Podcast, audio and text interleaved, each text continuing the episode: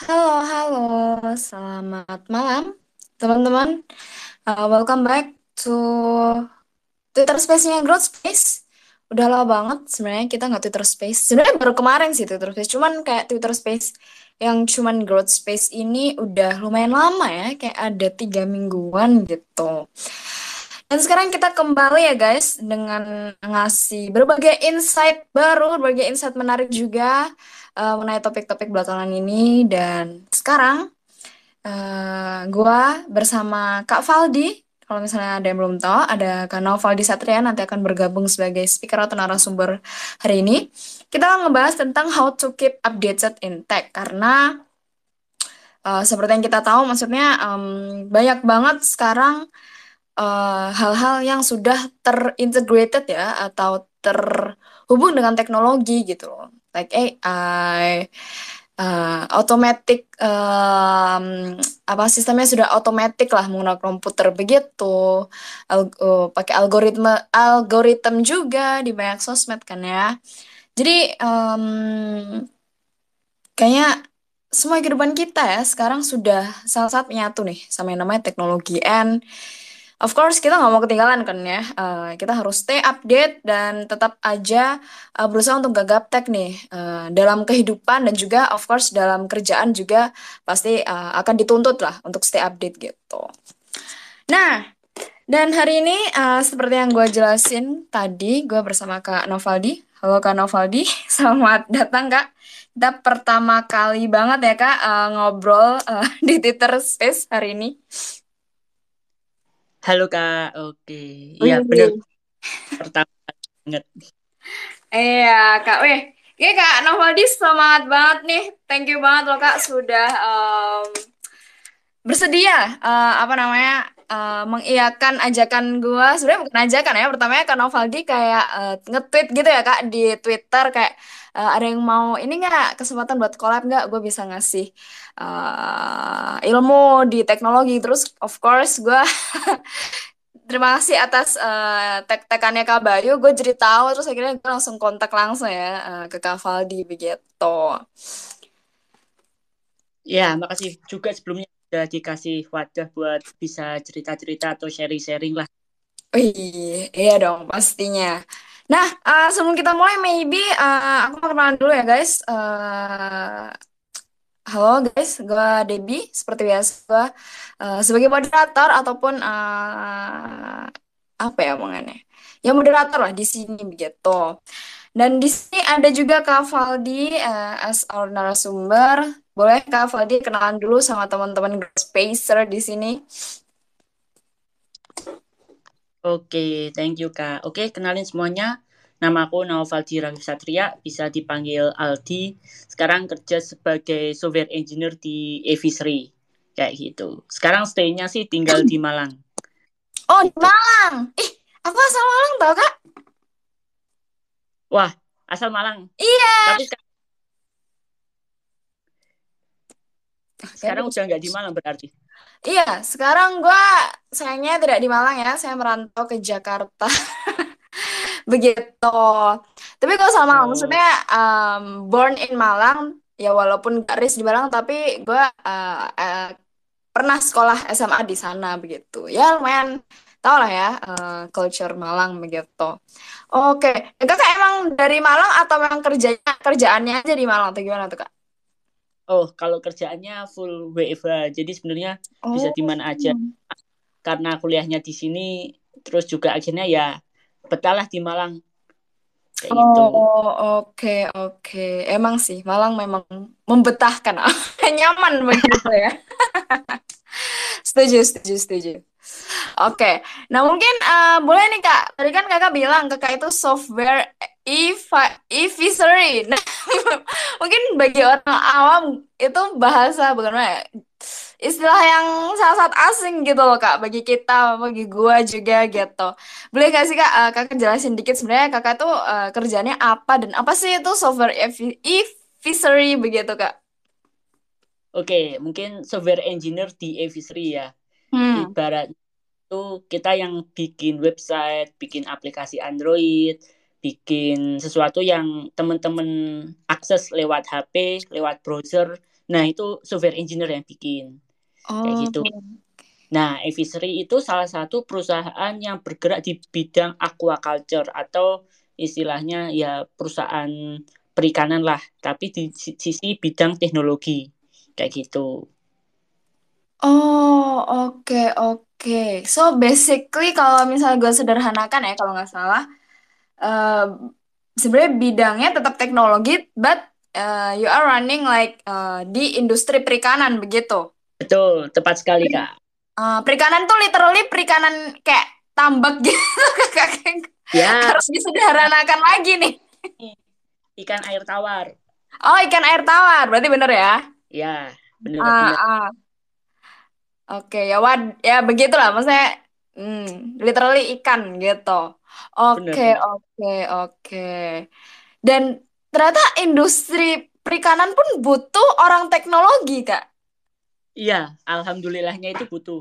Bahkan ya kalau boleh ini ya sombong sedikit, perusahaan baru aja dap- jadi salah satu unicorn di pertama Wih, kali dunia di aquaculture kayak gitu. wow, oke, Nah, jadi oke, boleh keren teman-teman mau join langsung ketik aja evisery.com slash karir. Nah, nanti boleh tuh apply. Oh, wow. Evisery.com. Kalau nggak teknologi boleh nggak ada? Oh, ada ada ada kayak marketing, terus juga ada sales, ada banyak sih. Hmm, hmm, hmm. Oke, boleh ya cek ya guys di evisery.com. Oh, evisery startup aquatech pertama di Asia. Oh, menarik, menarik. Oh, nah ini jadi lumayan ini nih apa eh, menarik banget karena eh, gue pikir kalau misalnya teknologi kayak di bidang yang you know pekerjaan eh, yang industri yang you know agak berat seperti itu tuh butuhnya yang malah yang mesin-mesin begitu kan ya Kak. Tapi software loh ini. Maksudnya apa sih sebenarnya eh, apa yang Kakak buat begitu eh, di evisery sendiri?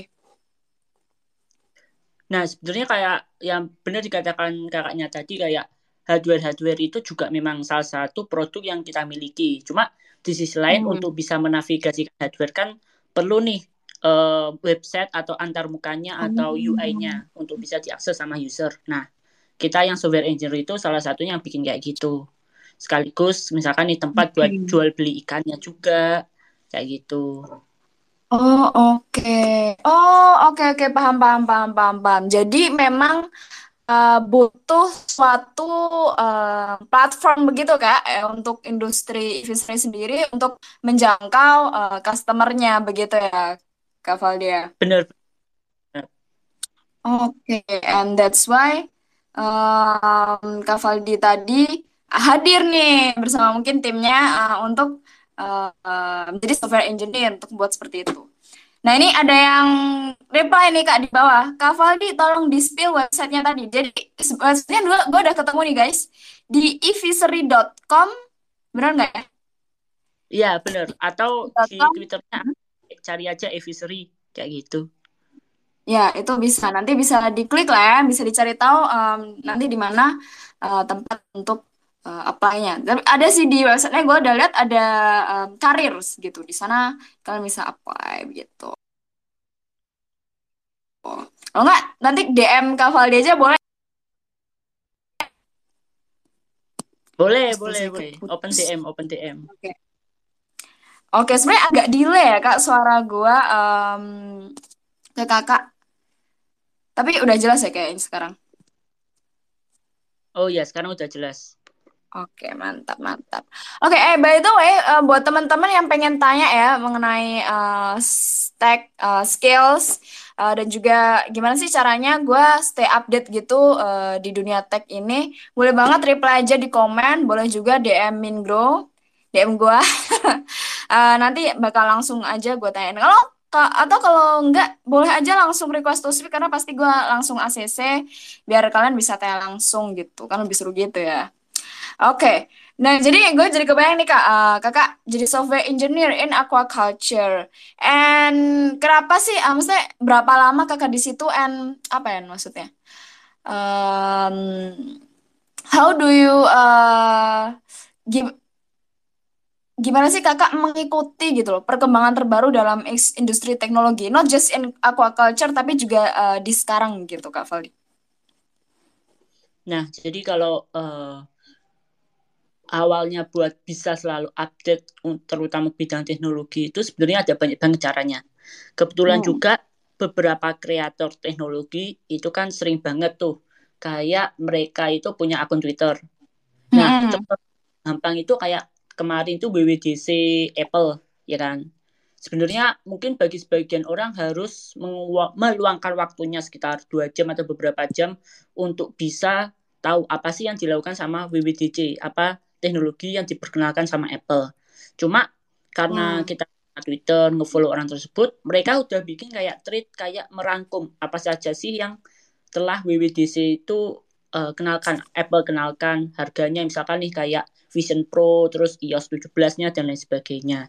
Jadi salah satu caranya adalah dengan kita ngefollow beberapa akun Twitter yang mereka itu istilahnya uh, meluangkan waktu atau memang jadi seorang reporter di bidang teknologi tersebut. Salah konteks ini ya berarti reporter untuk Apple kayak gitu. Jadi istilahnya kita nggak perlu buang-buang waktu selama dua jam untuk nonton WWDC. Kita cukup baca tweet atau utas terkait dengan WWDC yang telah beberapa orang rangkum itu salah satu konteksnya. Wow. Nah, kalau teknologi ya berarti sama. Kita kayak langganan nih newsletter newsletter atau mungkin ngefollow beberapa kreator-kreator di bidang teknologi untuk tahu apa sih yang sedang mereka kerjakan atau apa sih yang sedang happening dalam satu minggu atau beberapa bulan terakhir kayak gitu. Jadi nggak melulu harus melihat video karena kan kalau video kan taking time banget kan. Sedangkan kalau kita ngebaca itu ya kita bisa skimming, kita bisa memilih mana yang kita baca, mana yang kita uh, skip kayak gitu. Oke, oke. Jadi salah satunya bisa ngecek di WWDC. Nah, WWDC itu sebenarnya apa sih? Uh, buat teman-teman yang belum familiar nih. Kalau WWDC sebenarnya aku nggak tahu ya singkatannya itu dari apa. Cuma sepahamanku itu tuh kayak salah satu acaranya Apple untuk memperkenalkan teknologi-teknologi Apple. Jadi kalau Google itu ada Google hmm. I.O, terus uh, Amazon aku kurang tahu ada Amazon apa. Kalau Facebook itu ada F8 dulu itu kayak gitu. Jadi masing-masing perusahaan teknologi itu punya acara conference sendiri untuk bisa memperkenalkan apa sih yang sedang mereka kerjain atau apa sih produk yang bakal mereka oh, keluarkan. Oh, kayak gitu. iya, iya. Oh, oke oke paham paham paham. Jadi emang uh, kayak ini ya newsletter untuk keep up with the R&D ya, research and development-nya di Apple begitu. Karena Apple memang bidang teknologi jadi ya nyambung lah begitu. Oke. Benar. Nah, dari situ uh, apa sih yang kakak pelajarin gitu loh, yang biasanya uh, kira-kira bisa nyambung di uh, kerjaan kakak sekarang gitu kak? kalau mungkin konteksnya di Apple mungkin kurang begitu nyambung ya karena sendiri aku kan di pengembangan website jadi mungkin lebih yes. ke arah Google jadi Google itu ada yang mirip PC namanya itu Google I.O.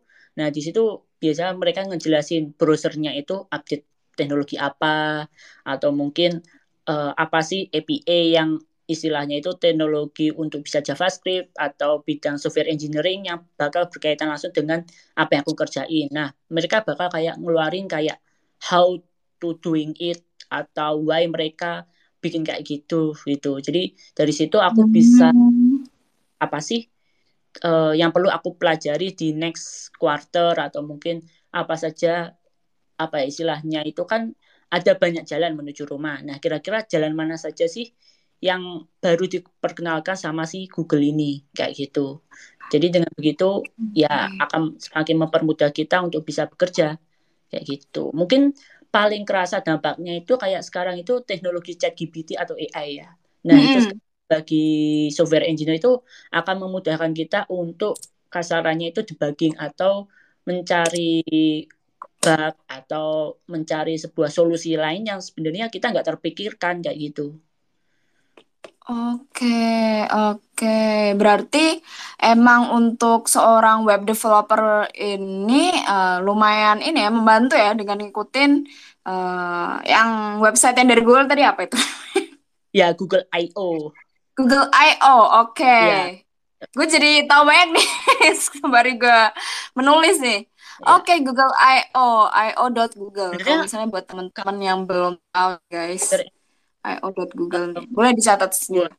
apa itu teman-teman yang suka Android biasanya juga cukup Hmm. ini cukup bermanfaat karena kan itu juga memperkenalkan beberapa apa ya eh, operating systemnya Android yang baru Oke, kayak apakah di kayak J itu yang nanti putus-putus? Kak Faldi. halo halo Halo, Kak. Tes. Satu, dua, tiga. Boleh dong kasih reaksi or reply. Oh, cuman gue doang di atau cuman eh, apa cuman di gue doang atau kalian juga? halo halo Halo aku sih Kak. dengerin suaranya Oke. Nah, tadi putus-putus nih, tapi sekarang udah oke sih. Coba oke aku oke. coba ulang ya Boleh, boleh. nah kayak ini kalau di Google I.O. itu bagi teman-teman yang pakai Android nih jadi kan tahu tuh Android OS itu bakal update apa aja. Nah, dari situ kita bisa kayak memprediksi kira-kira apa saja sih update terbaru dari operating system. Kira-kira kuat nggak ya operating system tersebut di HP kita. Terus dari segi misalkan nih aplikasi default kayak Google Foto atau mungkin yang lainnya, itu gimana kita bakal menggunakannya kayak gitu. Oh, oke. Menarik, menarik nih. Nah, tapi sebenarnya sebelum ke Google I.O. nih ya, Kak. eh, sebenarnya seberapa penting sih? Maksudnya di tech ini kan mempayungi banyak eh, bidang ya, dari web developer, kayak website begitu, UI UX, eh, code, eh, apa ya namanya? eh, ya banyak lah. Gue takut menyebut yang salah begitu. Uh, tapi anyway mem- mempayungi banyak bidang begitu, banyak skills lah istilahnya. Nah, kalau misalnya uh, saran kakak nih ya, uh, buat teman-teman yang emang baru banget nih mau belajar teknologi, sebenarnya mulainya kita mana sih? Enaknya begitu. Hmm, jawaban klise sih. Harus di ini ya, harus dilakuin itu ngenali diri sendiri sih. Karena masing-masing Hmm. teknologi itu ada pro sama kontranya. Katakanlah ini, hmm, yang paling sering sekarang itu kayak misalkan dari data engineer, data analis, inilah pengen ke data, terus ada pengen ke software engineering, terus pengen ada UI UX, terus pengen ke PM kayak gitu. Nah, kalau kita lihat Hmm. dari pekerjaannya itu, PM itu orangnya itu suka ngomong, suka rapat, terus uh, secara mentality juga harus kuat karena bakal menghadapi stakeholder kayak gitu. Nah, sedangkan software engineer itu Hmm. lebih banyak di depan laptop, lebih banyak uh, sama komputer, walaupun nanti bakal ada beberapa kali untuk meeting kayak gitu. Cuma di situ kita juga harus belajar untuk namanya sintaks, programming, otomatis ya matematika sama logika jauh lebih kuat daripada dari si PM-nya tadi. Terus kalau UI UX otomatis harus punya sense of desainnya, harus uh, istilahnya itu suka Ah. seni dan sebagainya. Terus mungkin kalau sebagai data ya otomatis suka untuk uh, melihat data, suka menganalisis, suka bisa ngoding juga. Terus ada lagi kalau sekarang ya trennya kan ML engineer atau AI engineer ya maka harus lebih jago lagi di bagian matematikanya. Jadi masing-masing itu ibaratnya punya keunikan sendiri masing-masing skillnya. Nah dari teman-teman itu lebih suka yang mana? Apakah dari segi desainnya, lebih suka ngomong, lebih suka uh, bikin strategic meeting, lebih suka untuk ngurus manusia, ataukah lebih suka ngurus mesin, kayak gitu. Nah, dari mengenal saat, saat uh, teman-teman nanti kayak apa, baru nih selanjutnya bisa nentuin milih mau jadi software engineer, UI UX, data atau apa, kayak gitu. Bahkan sebenarnya semuanya bisa dicoba, uh, nggak masalah nyoba semuanya. Nanti tinggal pilih aja sesuai yang teman-teman lakuin. Dan karena teknologi itu sebagai supporting, semua orang itu bisa pakai teknologi. Misalkan nih, uh, sekarang aku di software engineer. Aku sekarang itu kerjanya di bagian fintech-nya ini, Evisery. Otomatis mau nggak mau, aku juga harus belajar sedikit-sedikit soal fintech. Atau teman-teman dari yang statistika, itu tinggal belajar ngoding, nanti udah jadi data engineer. Atau dari teman-teman di cafe atau desain produk, tinggal belajar Figma, nanti langsung bisa istilahnya untuk desain untuk bidang digital dan lain sebagainya. Jadi teknologi itu cuma sebagai supporting aja. Jadi bisa di-matchkan dengan current skillnya teman-teman sekarang kayak gitu. Wih, menarik, menarik nih. Jadi emang sebanyak itu dan bisa kita, apa ya namanya, kita pilih ya, eh, maksudnya yang sesuai dengan kemampuan dan juga eh, minat kita itu di mana ya, Kak Valdi ya. So, eh, kita harus tahu dulu nih dari diri sendiri emang lu bisanya di mana dan emang interestnya di mana begitu. Kalau misal eh, dari anak desain mungkin bisa masuknya UI UX kali seperti itu. Atau misalnya anak yang data banget atau anak yang matematika banget bisa masuk yang di lain. Nah, tapi eh, kalau misalnya em, udah nentuin ya Kak, kita mau UI UX ataupun engineer, software engineer ataupun yang lain. Sebenarnya apakah lebih baik kalau misalnya Kakak saranin apakah lebih baik kita belajar dulu nih dari eh, otodidak like dari sumber-sumber yang gratis begitu atau kita langsung aja ikut yang berbayar kayak bootcamp begitu Kak Valdi? Kalau saran Kakak gimana tuh Kak? Kalau aku secara pribadi itu adalah otodidak dulu ya. Mungkin sekitar Hmm. tiga bulanan cukup lah. Selama tiga bulan itu full otodidak ya. Habis itu baru nih nentuin pilih kayak ikut bootcamp atau course. Soalnya di bootcamp itu nggak pure murni ngajarin dari nol. Walaupun ngajarin dari nol, Oh cuma gitu. kecepatan belajarnya itu cepet banget. Istilahnya kita cuma di em, ibaratnya kuliah 4 tahun ki- eh, sama Mm-mm. bootcamp itu kayak dipersempit jadi cuma bulan, tiga bulan kayak gitu. Iya kalau misalkan Ah, kecepatan teman-teman untuk bisa ibaratnya sprint itu bisa cepet banget. Cuma kan nggak semua orang bisa kayak gitu kecepatan belajarnya. Maka jaga-jaga ya teman-teman belajar sendiri. Kalau udah fundamentalnya dapat, baru deh ikut yang bootcamp kayak gitu.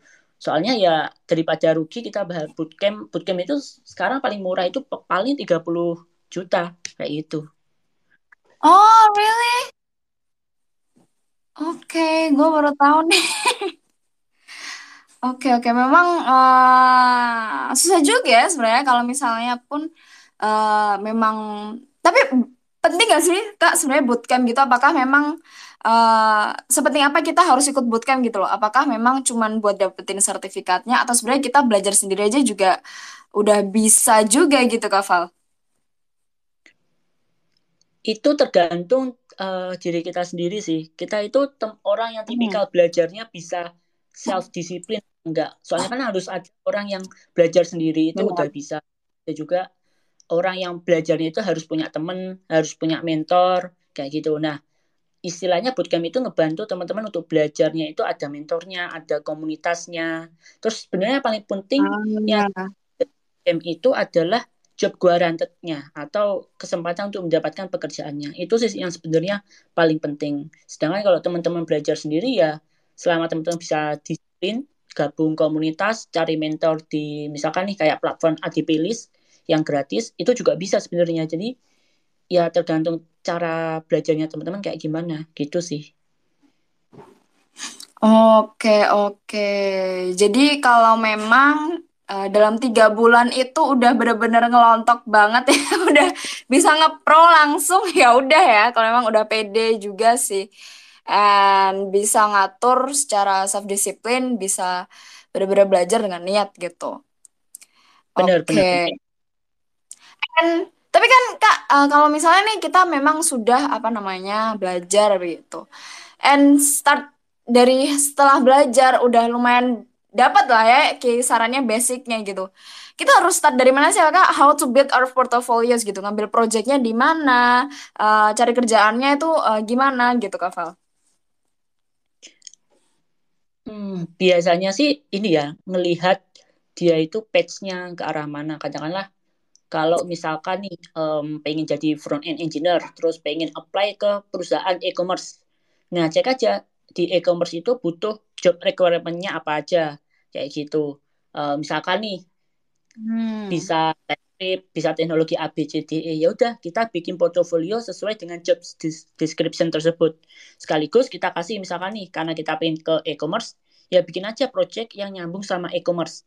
Di e-commerce itu ada apa? Misalkan nih, ada login, register, terus bisa integrasi ke jual beli kayak gitu. Jadi kita matching lah Oke. portfolio kita dan apa sih kita mau apply ke perusahaan yang kayak apa kayak gitu. Hmm, hmm, hmm, hmm, hmm. Nah, dari kalau dari Kak Valdi sendiri ya, dari pengalaman Kakak, itu Kakak startnya di mana nih? Apakah memang langsung terjun belajar buat software engineering atau sebenarnya dari eh, di awal eh, beda ini Kak, beda bidang gitu, beda skill gitu Kak? Eh, alhamdulillahnya sih kalau aku sendiri ini ya dari jurusan teknik informatika di salah satu kampus di Mhm. Malang. Jadinya emang dari awal memang pengen ke software engineer kayak gitu. Oke, kenapa tuh Kak? Ceritain Nah, Kak Val. kalau boleh lihat backgroundnya itu, aku dulu itu waktu SMA punya blogspot, jadi suka ngeblogging gitu. Terus juga ngelihat kok Oh, oke. eh, tampilannya bagus, ngedit-ngedit ini kok berubah warnanya, terus bisa diakses banyak orang, kayak gitu. Itu jadi aku jadi seneng banget kan. Nah, dari situ aku kesampaian kayak kira-kira di kampus itu apa sih jurusan yang terkait dengan bidang komputer. Ya udah, akhirnya ketemulah yang samanya teknik informatika. Cuma ternyata eh, teknik informatika antara yang aku pikirkan sama yang di kenyataannya itu beda-beda. Kayak misalkan nih harus belajar aljabar, kalkulus, terus belum uh, algoritma sama struktur data dan lain sebagainya lah kayak gitu akhirnya Wow. juga ini ya overwhelming akhirnya ya pergilah memutuskan buat ke front end yang mana uh, kayak kayak gitu tuh nggak begitu kerasa yang bakal kerasa ya kayak ketika kita lebih dalam lah ke arah misalkan nih bikin algoritma atau misalkan bikin AI-nya atau hal-hal yang lebih ke programming skill-nya kayak gitu. Oh, oke. Jadi memang dari awal hmm, bahasanya memang suka ngedesain ya, desain web begitu Kak Valdi ya. Ya, mirip-mirip.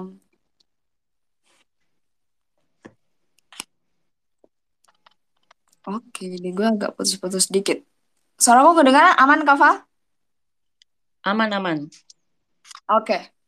Nah, eh, tadi kakak bilang ya, em, ternyata masuk teknik informatika atau masuk di, di bidang ini tuh lumayan agak beda sama realitanya gitu. Karena sebenarnya eh, banyak tuh ya kak, eh, gue punya banyak temen juga yang bilang, ah gue tuh pengen belajar yang eh, lagi dibutuhin banyak perusahaan sekarang nih, kayak yang di tech kayak UI UX gitu deh, Ya, banyak cerita kayak gitu. Tapi banyak juga yang curhat kayak, ah gue tuh takut nanti gimana gue nggak bisa coding, oh gue nggak bisa matematika gitu kak. Sebenarnya benar gak sih kak kalau misalnya um, buat jadi anak eh, yang eh, maksudnya eh, punya skills dalam bidang teknologi itu emang harus eh, pinter banget, harus bisa hitung-hitungannya oke, logikanya oke. Eh, emang sulit banget ya kak? Gimana tuh kalau dari Kak Valdi? Oke, uh, mungkin ya um, mungkin teman-teman di sini juga yang bidang teknologi pernah tahu kayak uh, memang barrier entry IT itu rendah banget dalam artian semua orang itu bisa masuk ke jurusan IT atau kerja di bidang teknologi lah. Cuma survivalnya itu nggak semua orang bisa. Maksudnya, oke okay, teman-teman Hmm. belajar desain UI UX, teman-teman udah bisa jadi seorang desainer UI UX. Tapi untuk bisa tetap um, mendapatkan pekerjaan, mendapatkan freelance atau mungkin karirnya naik itu nggak semua orang itu aku bisa katakan sulit untuk bisa uh, survive kayak gitu. Karena ya itu tadi saking entry barriernya rendah ya siapa pun bisa masuk. Cuma kan ketika nanti tahap apa ya istilahnya next levelnya itu mulai banyak hal-hal yang sekiranya itu perlu kita pelajari. Misalkan nih kayak tadi aku ngomongin soal Oh. matematika ya. Untuk aku jadi front end itu dengan pengalaman 3 sampai 5 tahun itu aku masih bisa survive. Cuma ketika aku pengen ini ya naik level lah atau istilahnya naik jabatan lah itu aku harus bisa salah satunya adalah matematika. Karena di situ mulai nih ditantang beberapa problem yang di mana dia itu harus bisa algoritma harus bisa struktur data kayak gitu. Itu. Atau mungkin paling ekstrim ke manajerial ya berarti harus manage people harus bisa jago ngomong jago empati kayak gitu. Yang awalnya itu aku nggak belajar tapi ketika udah di pertengahan karir atau mau ke arah istilahnya senior ya aku harus belajar hal itu kayak gitu Oke, oke. Nah, oh, gue baru sadar nih Kak. Oh, ternyata em, anak tech itu ini ya, em, apa namanya? Survivalnya lumayan susah juga ya. I mean, kalau misal nih gue belajar, misal orang belajar akuntan ya, uh, gue mikirnya ya udah pekerjaannya ya udah ngitung-ngitung aja gitu. Paling kalau misalnya uh, belajar apa sih yang terupdate gitu di akuntan nggak nggak banyak gitu loh yang kita pelajarin. Tapi kalau misalnya di tech uh, there's always uh, new challenge ya kak, uh, something new yang kita harus belajar and never stop learning juga gitu. Makanya survivalnya Iya, juga bener. rendah gitu ya kak Valen. Ya, Hmm, aku bisa bilang kayak gitu. Ekstrim ya dengan adanya AI kayak gini. Dengan adanya AI mungkin orang-orang mikir em, kita bakal digantikan dengan AI. Cuma kan di sisi lain Mm-mm. AI itu kayak ngebantu kita untuk bisa lebih survive. Jadi misalkan nih teman untuk brainstorming, buat mentor, kita ada Ah, problem bisa tanya ke dia, kayak gitu. Jadi ya tergantung gimana kita bisa memanfaatkannya dan apalagi dulu AI nggak ada, sekarang jadi ada. Otomatis kita harus belajar soal hal itu, ya kan? Dan teknologi kan terus ber, berkembang. Otomatis kalau nggak ngikut, kita sebagai seorang pekerja di bidang teknologi ya kita bakal kegantikan. Kegantikan sama siapa? Ya orang yang belajar teknologi terbaru kayak gitu. Ah, true, true, true.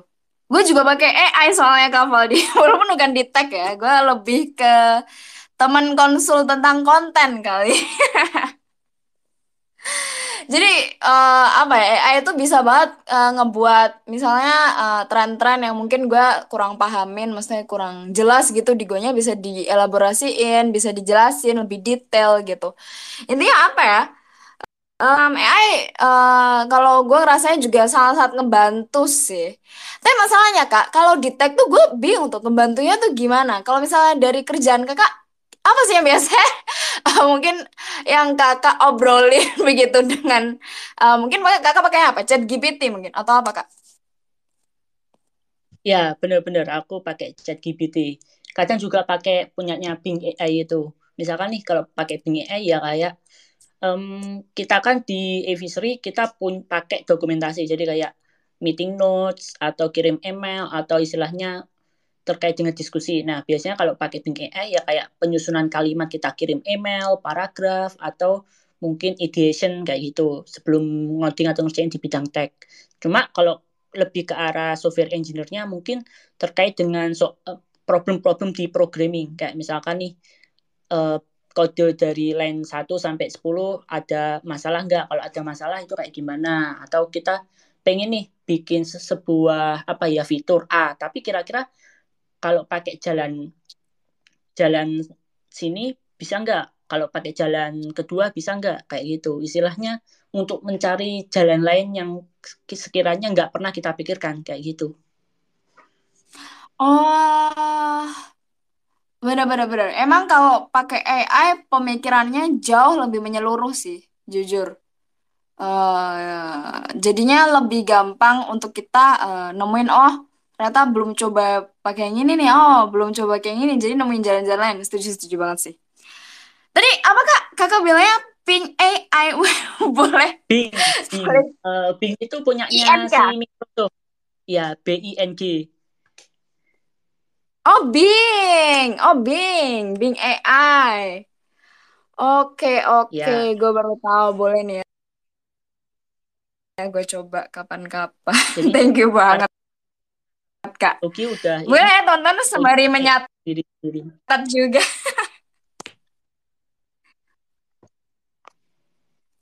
Oke. Nah ini ada yang request to speak nih ya kak. Um, sudah gua CC. Apakah sudah bisa ngomong kak? Sebentar sebentar.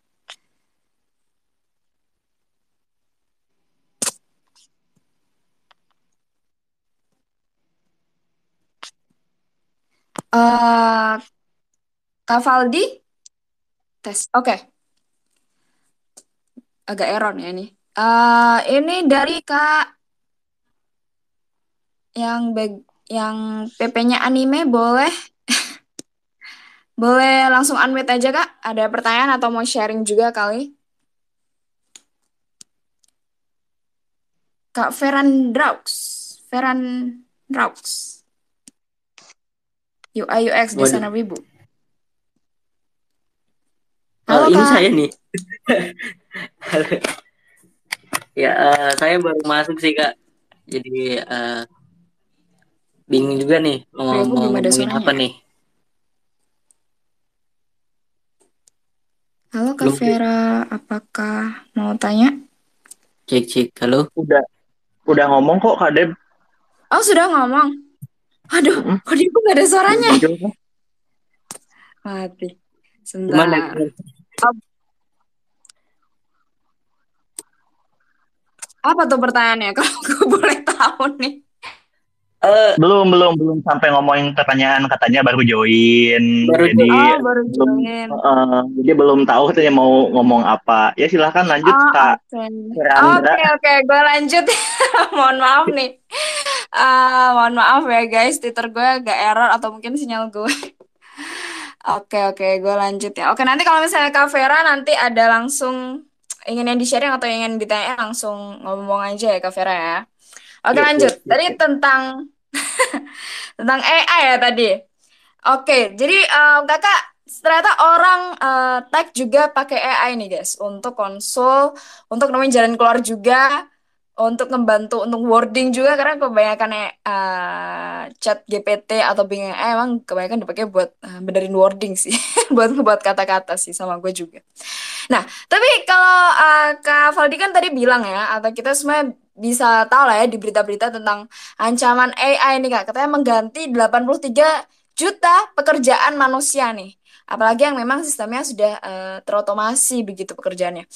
Nah, kalau dari Kak Valdi sendiri, apakah bisa nggak sih Kak? Maksudnya eh, gue sudah capek-capek nih ya belajar coding, gue sudah capek-capek mendalami eh, bidang tech ini, tapi nanti digantikan dengan AI. Kalau dari pandangan Kakak sendiri sebenarnya digantikan eh, seperti apa sih dan apa sih Kak ancaman sebenarnya begitu?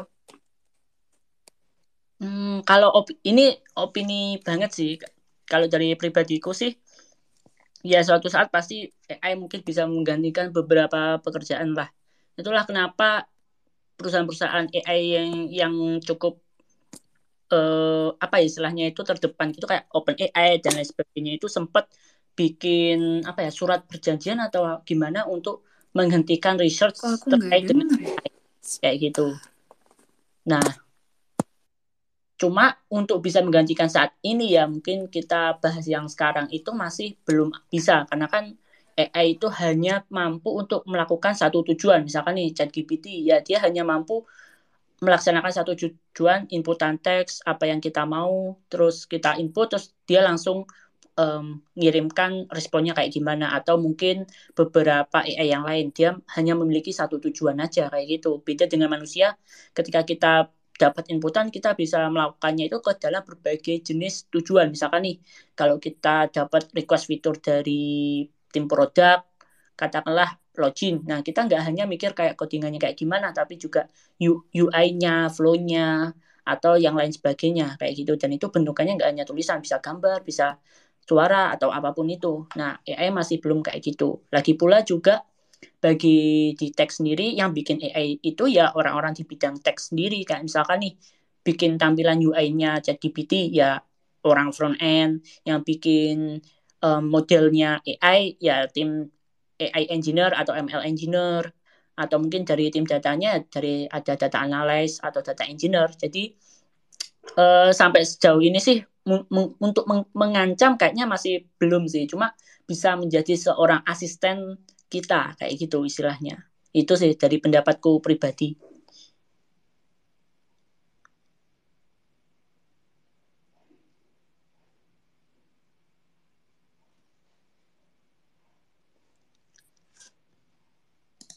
Halo kak. Dewi kayaknya ke mute. Halo halo. Kalian berdua aman aman aman kak Dewi aman, okay. aman nih gue aku nggak kedengeran nih um, suara Kak Valdi dari uh, awal. Aku nengahin ya, sorry. Jadi uh, tadi Kak Valdi di aku suaranya cukup uh, jelas, cuman ada sedikit kesendat-sendat, ada yang agak hilang-hilang, tapi sepenuhnya aku ngedengernya yang Kak Valdi bilang kan kurang lebih AI itu bisa aja jadi suatu istilahnya dalam tanda kutip ancaman atau mengganti uh, bukan mengganti ya kayak bisa berperan seperti apa yang dilakukan sama manusia, cuman belum sepenuhnya gitu loh. Masih banyak hal yang sama orang-orang itu masih bisa dilakukan Hmm. sedangkan AI belum sampai situ kapasitasnya gitu. Nah, buat Kak Valdi, sorry kata Kak Debi tadi suaranya bener-bener hilang kalau di Kak Debi gitu. Makanya aku di sini naik mengenai kalian membantu.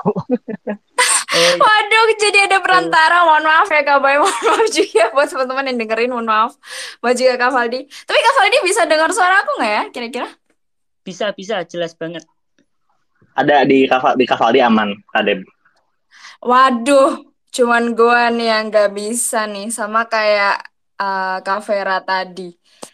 Hmm. Oke. Apakah mungkin eh, mau coba ini kali ya? Turun naik dulu? Mau Kak Val?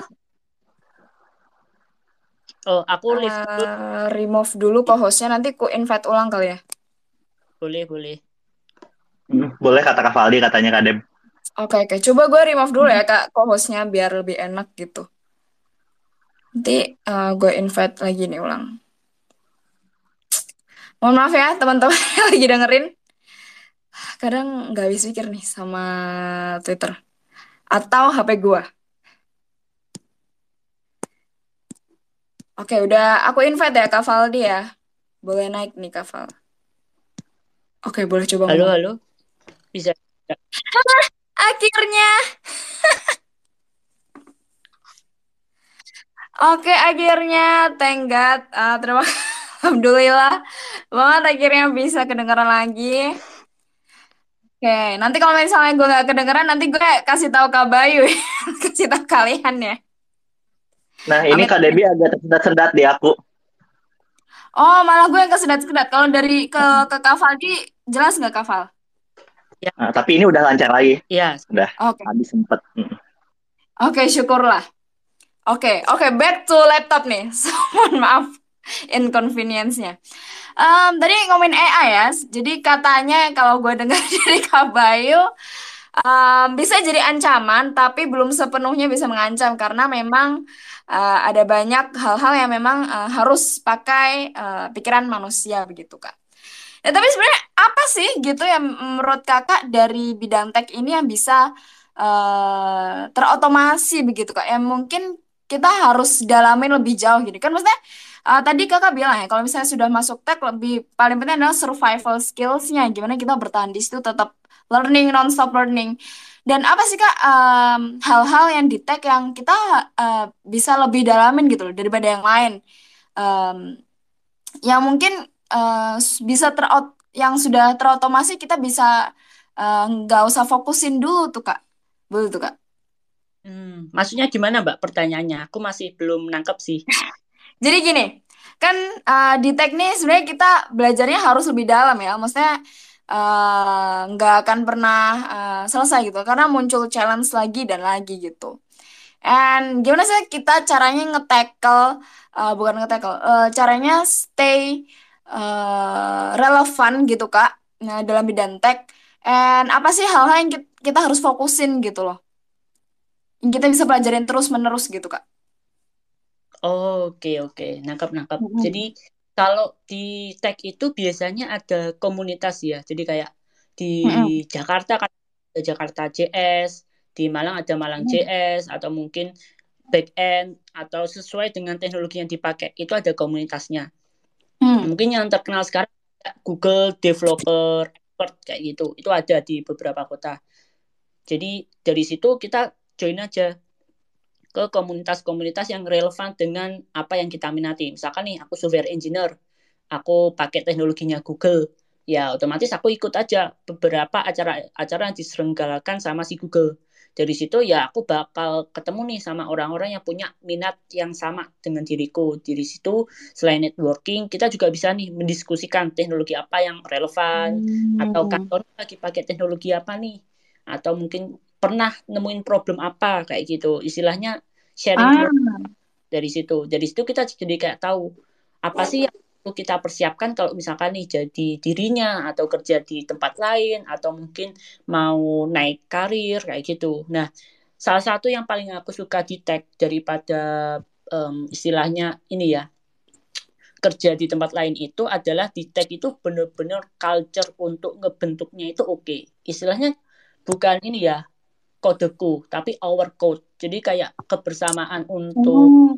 yang itu cukup cukup tinggi. Makanya kayak kita itu banyak event-event yang sekiranya itu jadi komunitas lah, sering sharing kayak gitu. Nah, itu yang membuat kita itu terus bisa update. Nah, dari sisi lain em, terkait dengan untuk bisa fokus, ya itu balik lagi ke masing-masing personal ya, karena istilahnya ada yang mau jadi spesialisasi, ada yang mau jadi generalis, ada yang mau apa ya istilahnya itu gabung menjadi seorang yang cuma bisa satu tapi kemampuannya itu benar-benar dalam ada yang bisa jadi generalis apa bisa itu juga ada jadi tergantung teman-teman mau learning path-nya itu kayak gimana cuma Spesialis. Mm-mm. ya adanya komunitas itu ngebuat orang-orang itu jadi bisa belajar bareng kayak gitu itu sih Oke, oke. So, to stay relevant, uh, paling enak memang gabung komunitas ya, Kak. Uh, biar bisa Benar-benar. sharing and how to tackle the problems in tech begitu. Apalagi kalau bidangnya benar-benar sama persis begitu, lebih enak lagi. Oke, oke. Dan salah satu komunitasnya Jakarta JS ya, Kak, tadi Kakak sebut uh, yang gue cek tadi itu namanya ya Jakarta JavaScript. Ya, benar-benar. Selain itu sebenarnya masih banyak tergantung ini ya, teman-teman itu sukanya atau hobinya itu di teknologi di bidang apa kayak gitu. Oke, menarik, menarik. Ini dong ya, apa namanya, sering juga un, eh, apa namanya, sharing eh, di platform kakak di Medium, di Quora juga ya Kak Valdi, karena gue juga menel, men, menelaah nih Kak Valdi aktif di platform mana aja begitu. Jadi buat teman-teman yang pengen eh, belajar mengenai di tech skills ini, di bidang tech ini, bisa langsung aja cek eh, Eh, sosmednya Kak Novaldi ini di Twitter bisa ya Kak, di Medium atau di Instagram juga bisa ya Kak Valdi ya. Ya, bisa, bisa, bisa. Oke, nah tadi balik lagi nih, um, uh, to stay relevant emang harus tergabung di uh, komunitas lah, uh, lebih baiknya, paling baiknya begitu. Nah tapi Kak, kalau misalnya uh, untuk tool sendiri nih Kak, apa sih Kak biasanya um, alat-alat yang bisa uh, dipakai untuk kita uh, lebih mendalami begitu Kak, untuk belajar uh, dalam tech skills ini Kak Val? Nah, mungkin yang paling gampang adalah ini ya, untuk bisa terkait mungkin untuk informasi itu adalah kita pakai Twitter atau newsletter di email. Hmm. Itu gampang banget kita bakal menemukan informasi-informasi baru. Cuma untuk bisa istilahnya itu relevan, ya itu kan semua cuma teori. Kita Yes. Untuk bisa di apa ya mendalami teori tersebut itu adalah dengan kita praktek. Nah, salah satu prakteknya adalah dengan bikin project aja. Kalau Hmm. di software engineer bikin project, taruh di GitHub kayak gitu. Kalau misalkan desain ya bisa di Behance atau Dribble. Istilahnya show off apa yang telah kita pelajari kayak gitu. Oke, oke. Nah, kalau misalnya tadi kakak bilang newsletter, uh, what kind of newsletter yang kakak subscribe, Kak? Karena bidangku sendiri di bidang web development, jadi aku kayak newsletter terkait dengan JavaScript newsletter sama React.js newsletter. Nanti coba aku share di tweet deh Oh, soal newsletter. oh, boleh, boleh, boleh. Buat teman-teman yang mau check out uh, apa yang Kak Valdi share itu apa newsletternya, buat teman-teman yang emang mendalami JavaScript, web development, bisa langsung cek aja ya, atau follow juga Twitternya Kak Novaldi. Nah, tadi kakak juga not eh, bilang ya mengenai eh, banyak orang itu juga ada yang generalist and specialist dalam bidang tech. Eh, of course teman-teman udah tahu kalau generalist misalnya belajar eh, banyak hal tapi ya kadang nggak mendalami gitu hanya basicnya dong atau gimana. Kalau specialist lebih mendalami nih em, apa namanya dalam suatu skills atau bidang begitu. Nah kalau dari kalau dari Kak Faldi sendiri ya to survive uh, in tech industry uh, lebih baik jadi apa sih kak jadi generalis atau spesialis terus yang paling banyak dicari perusahaan itu yang mana tuh kak sebenarnya Eh, sebenarnya itu juga tergantung level orang ya. Jadi kayak misalkan nih dari istilahnya di tech itu ada kayak posisi junior, mid level sama senior. Nah, itu kalau menurutku dari persepsiku sendiri cari yang spesialis sampai ke tahap senior. Baru ketika nanti udah senior level ke atas, misalkan nih staff engineer atau katakanlah dis, uh, principal, mereka itu lebih ke generalis karena mereka udah mainannya ke strategik kayak gitu. Cuma kalau misalkan nanti awal-awal nih ya bolehlah generalis kak karena untuk tahu kita itu sukanya di mana apakah suka di web development Android atau mungkin di iOS atau apa nah itu bolehlah generalis cuma nanti ketika udah hmm. ketemu spesialis habis itu sampai nah. Ya karirnya udah oke okay, baru ke generalis lagi. Kayak gitu sih. Oh malah berfase ya kafal ya? Iya iya benar-benar. Karena ya itu tadi untuk bisa ngedukung ini ya apa karirnya naik ke atas kayak gitu sih. Wih, wih, wih, wih, wih, wih. Keren, keren, keren. Tapi gue setuju banget sih. Dari awal kita ya comot lah apa aja yang bisa gue comot informasinya gue pelajarin aja lah semuanya begitu. Nanti en, ya, di tengah-tengah baru nih kita uh, realign dulu. Oh, yang mana sih sebenarnya gue paling mampu di mana, bakat gue paling bakat tuh di mana, minat gue paling minat di mana. Baru kita pelajari dulu. Nah, nanti abis udah spesialis banget tuh di situ kita ulangi lagi belajar lagi yang lain-lain begitu ya Kak Valdi ya. Iya, benar benar benar benar setuju aku. Oke, wih, menarik nih. Nah, sekarang gue pengen tanya nih ya, um, buat teman-teman juga yang emang benar-benar baru belajar. Kakak kan tadi uh, bilang uh, lebih oke okay belajar otodidak dulu ya kak, tiga bulan. Nah, kalau kakak dari awal start banget nih ya kak, uh, di software engineer ini, kakak biasanya belajarnya pertama di platform mana sih kak? What's the first step uh, yang kakak uh, ambil gitu loh tuh kakak menghadap laptop menghadap komputer gitu kak Val.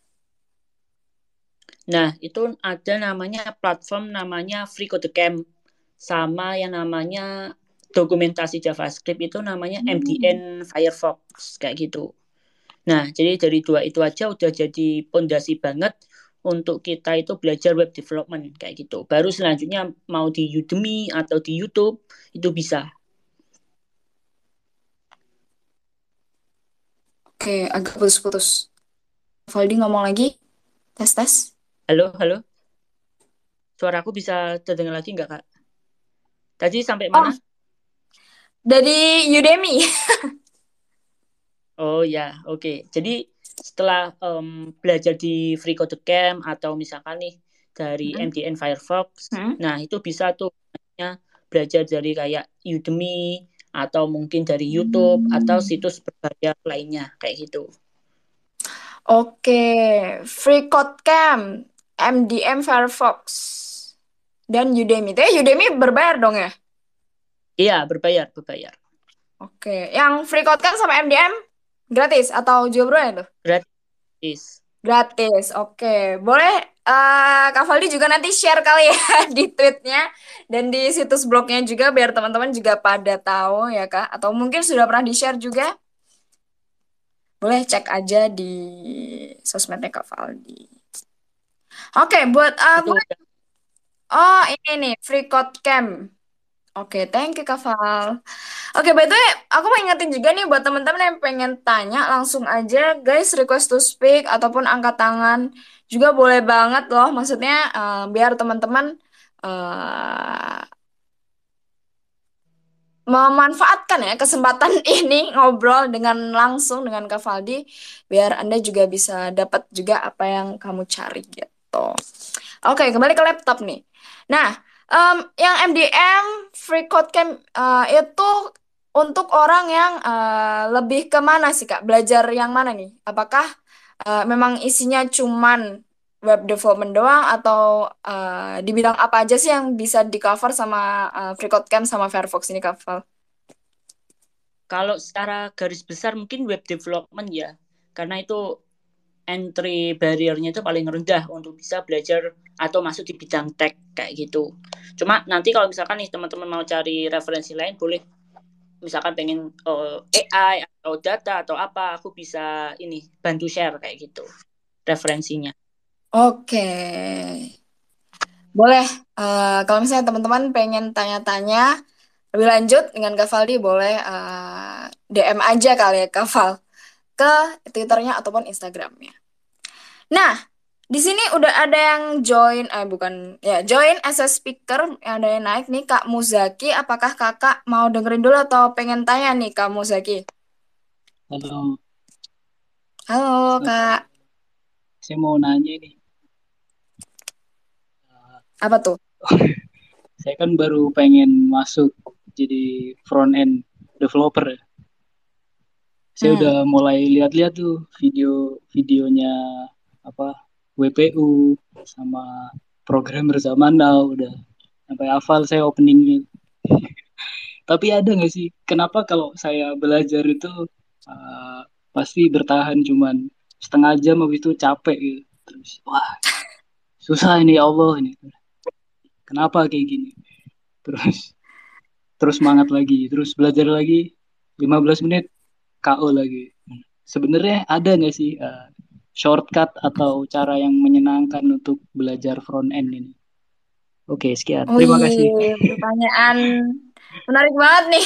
Perlu banget nih buat teman-teman semua. Gimana tuh Kak Val? Langsung aja sikat. Wih, keren pertanyaannya. Jadi ada teknik yang namanya Pomodoro. Jadi istilahnya itu 25 menit buat kerja, 5 menit istirahat. Terus 25 menit, 5 menit istirahat. Nah, itu bisa dicoba itu.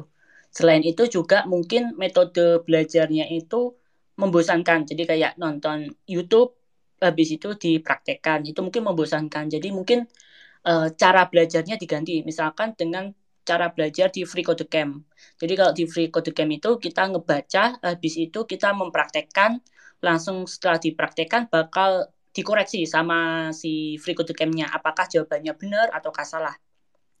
Kayak gitu. Jadi mungkin metodenya bisa diganti yang semula cuma nonton YouTube, terus dipraktekkan. Sekarang nih pakai yang Free Code Camp. Kita bukannya ini ya nonton, tapi kita ngebaca. Habis ngebaca kita tuliskan apa yang kita baca, habis itu nanti dari Free Code Camp bakal ngasih tahu, oh yang kamu praktekkan ini benar apa salah, kayak gitu.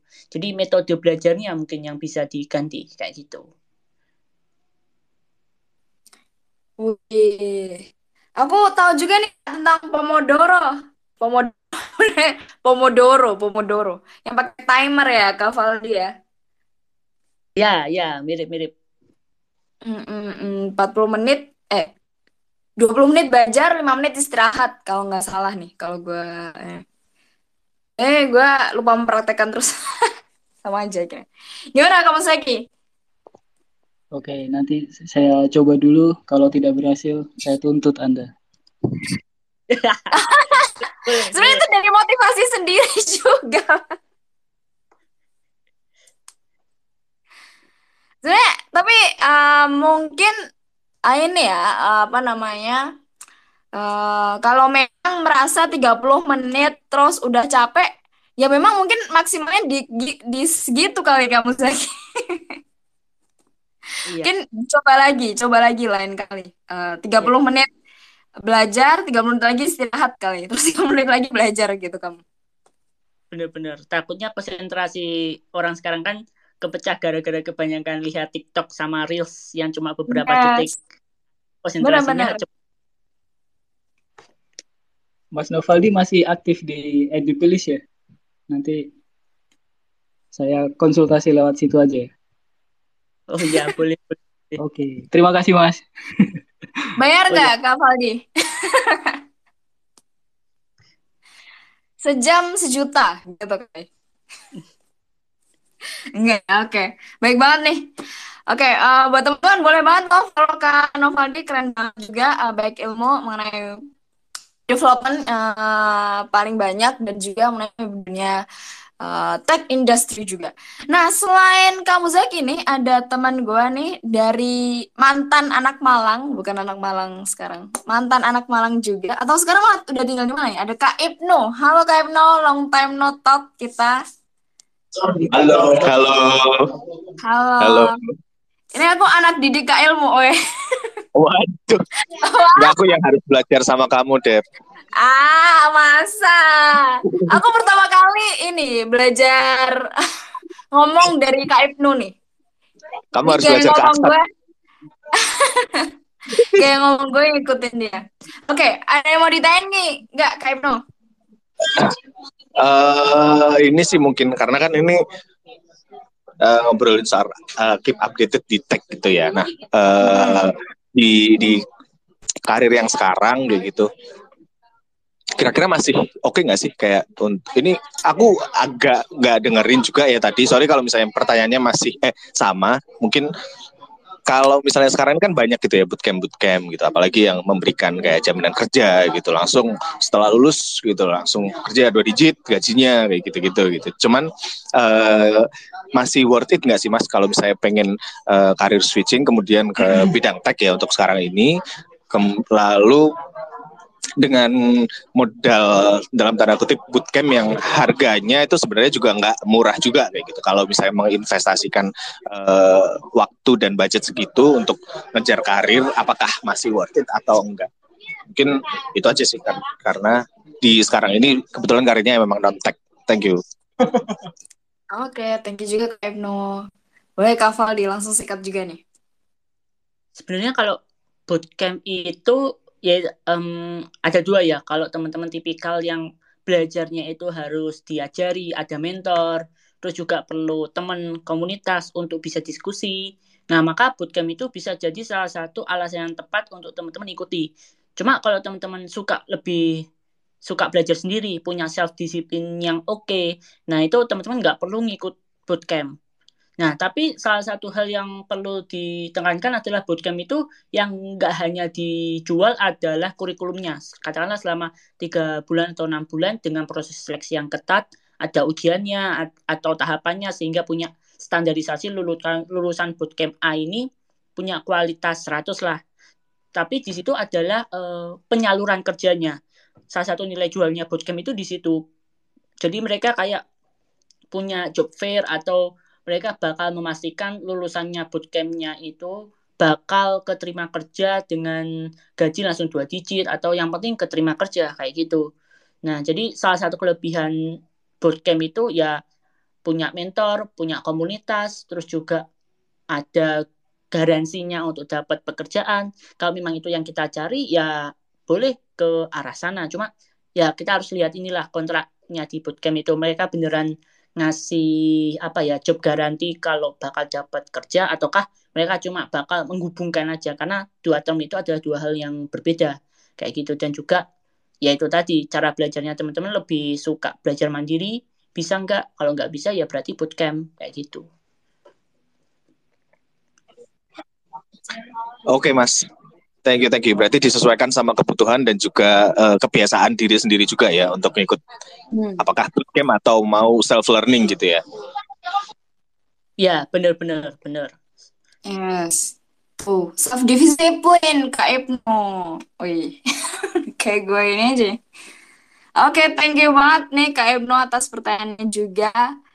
Uh, mungkin kembali lagi ke laptop nih, gue pengen tanya nih buat uh, sebenarnya selain orang-orang yang awam nih ya kak yang dengerin kita sebenarnya banyak juga sih buat tem uh, teman-teman yang juga udah terjun ke dunia tech yang kebanyakan UI UX developer dan uh, apa namanya software engineering juga begitu. Uh, itu kan banyak ya kak yang yang pekerjaannya itu uh, juga freelancer tuh kak. Kebanyakan kalau misalnya udah punya skill di tech emang demandnya banyak jadi uh, mungkin ya kalau setahu gue emang gampang juga nih untuk ng ngambil project saat-saat project selain di main job begitu ya kak. Nah kalau dari Kak Valdi sendiri nih, uh, gimana sih cara bagi waktunya nih antara pekerjaan utama dan juga set project Kak Val? Kalau selama pengalaman pribadi sih, istilahnya ya dari jam kalau gampangannya secara matematika jam waktu itu jam 9 sampai jam 5 kan ini ya kerja full time. Nah, baru jam 7 sampai jam 9 itu kita waktunya untuk nge-freelance atau kita uh, side job lah, entah itu freelance, entah itu gabung ke tempat lain ataupun kayak gimana. Nah, dari situ ya tinggal kita memanage waktu kita yang tersisa kayak misalkan nih di weekend kita harus cerdas-cerdas kira-kira buat nyelesain tugas yang di main job atau freelance atau buat istirahat atau kayak gimana kayak gitu. Jadi emang istilahnya paling gampang ya jam 9 sampai jam 5 main job, jam 7 sampai jam 9 itu adalah side job atau freelance. Sekaligus ya sisanya kita tinggal uh, mungkin belajar, istirahat atau kayak gimana. Gitu sih kalau secara pakai jam-jaman kayak gitu. Ah, terlihat sekali ya Anda orangnya disiplin sekali.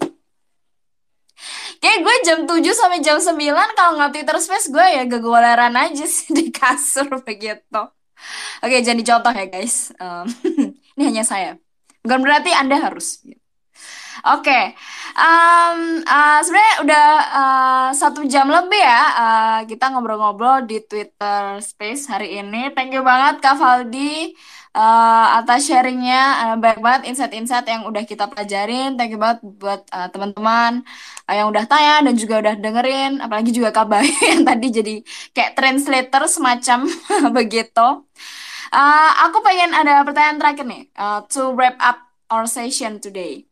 Apa sih Kak saran yang pengen Kakak berikan nih buat audiens uh, untuk menyadari nih biar mereka tuh sadar uh, the the important apa seberapa pentingnya sih uh, untuk stay update gitu di tech dan juga gimana sih caranya uh, buat stay update tapi tetap efektif begitu Kak. Jadi biar uh, mereka ada navigasinya sedikit nih gimana caranya uh, buat stay update gitu. Gimana tuh Kak? Kalau Uh, mungkin kalau dari aku sendiri contoh case yang paling nyata itu dengan hadirnya AI ya kalau misalkan nih pekerjaan kita kalau nggak dibantu AI katakanlah selesai satu minggu. Tapi kalau kita dibantu AI pekerjaan kita bisa selesai tiga hari. Otomatis mungkin uh, yang pemberi kerja kita nggak mau tahu. Mereka sukanya kan yang tiga hari. Tapi bagi kita sendiri dengan aja tiga hari itu kita punya sisa waktu tiga hari untuk bisa melakukan hal lainnya. Kayak gitu. Jadi salah satu hal dengan keep update di tech itu bisa jadi adalah kita bisa mengefisiensikan waktu pekerjaan kita kayak gitu. Di sisi lain adalah nggak semua hal itu kita harus coba. Misalkan nih ada teknologi A, B, C, dan D, kita harus coba semuanya. Cuma seenggaknya kita tahu bahwa di luar sana itu ada teknologi A, B, C, dan E. Baru ketika nanti kita punya case yang cocok untuk diimplementasikan, baru kita pakai teknologi tersebut. Seenggaknya kita punya informasi bahwa di luar sana ada kemungkinan bahwa ada nih jalan lain untuk bisa ke arah goal kita tapi kita nggak perlu nih nyoba satu persatu karena keterbatasan waktu kita kayak gitu. Jadi uh, terus update di bidang teknologi sembari kita itu terus uh, mencoba beberapa hal yang kaitannya itu dengan diri kita entah itu untuk pekerjaan kita atau untuk karir kita kayak gitu. Wih, mantap mantap. Jadi ya sebenarnya nggak perlu muluk-muluk kayak harus belajar semuanya, but uh, tetap harus stay inform ya Kak Valdi ya. Benar-benar. Tetap harus ngebaca, tetap harus tahu nih what's happening right now gitu loh. Nah, salah satunya dengan ngefollow Kak Valdi. Tapi dalam bidang tech uh, terutama karena sekarang lagi happening banget, AI juga jadi agenda uh, yang lumayan besar ya uh, di uh, masa depan begitu. Bukan masa depan ya, dekat-dekat ini sudah. Jadi agennya yang paling besar juga investnya juga banyak banget di AI di bidang tech juga. And bener sih kata Kak Faldi stay informed juga. And thank you so much uh, buat Kak Faldi uh, udah sharing banyak banget insight-insight yang uh, tentunya banyak audience uh, terbantu banget ya uh, di hari ini. Kalau buat teman-teman yang pengen stay informed yang kayak Kak Faldi bilang follow aja Kak Faldi di Medium ada, di Instagram ada, di Twitter juga ada. Kita nantikan juga ya kak, thread-threadnya, uh, informatif-informatif threadnya kita nantikan selalu. Dan buat teman-teman nih um, yang juga pengen gabung ke komunitas, uh, not exactly like tech community, tapi komunitas buat kalian belajar uh, dari untuk pengembangan diri khususnya di sana juga ada banyak banget teman-teman uh, di komunitas growth space yang juga pada freelance uh, di bidang tech kayak UI UX begitu uh, kalian juga bisa tanya-tanya di situ uh, kalian juga bisa curhat-curhat Uh, masalah kerjaan di situ juga. Jadi silakan klik aja uh, banner di atas kalian akan uh, secara lang uh, otomatis tergabung ke dalam Discord Kerulan Sukamaju. Nah, thank you so much buat teman-teman yang sudah dengerin. Thank you so much Kak Valdi and see you on our next Twitter Space. Bye-bye. Thank you Kak Debbie. Thank you Kak Valdi. Thank you guys.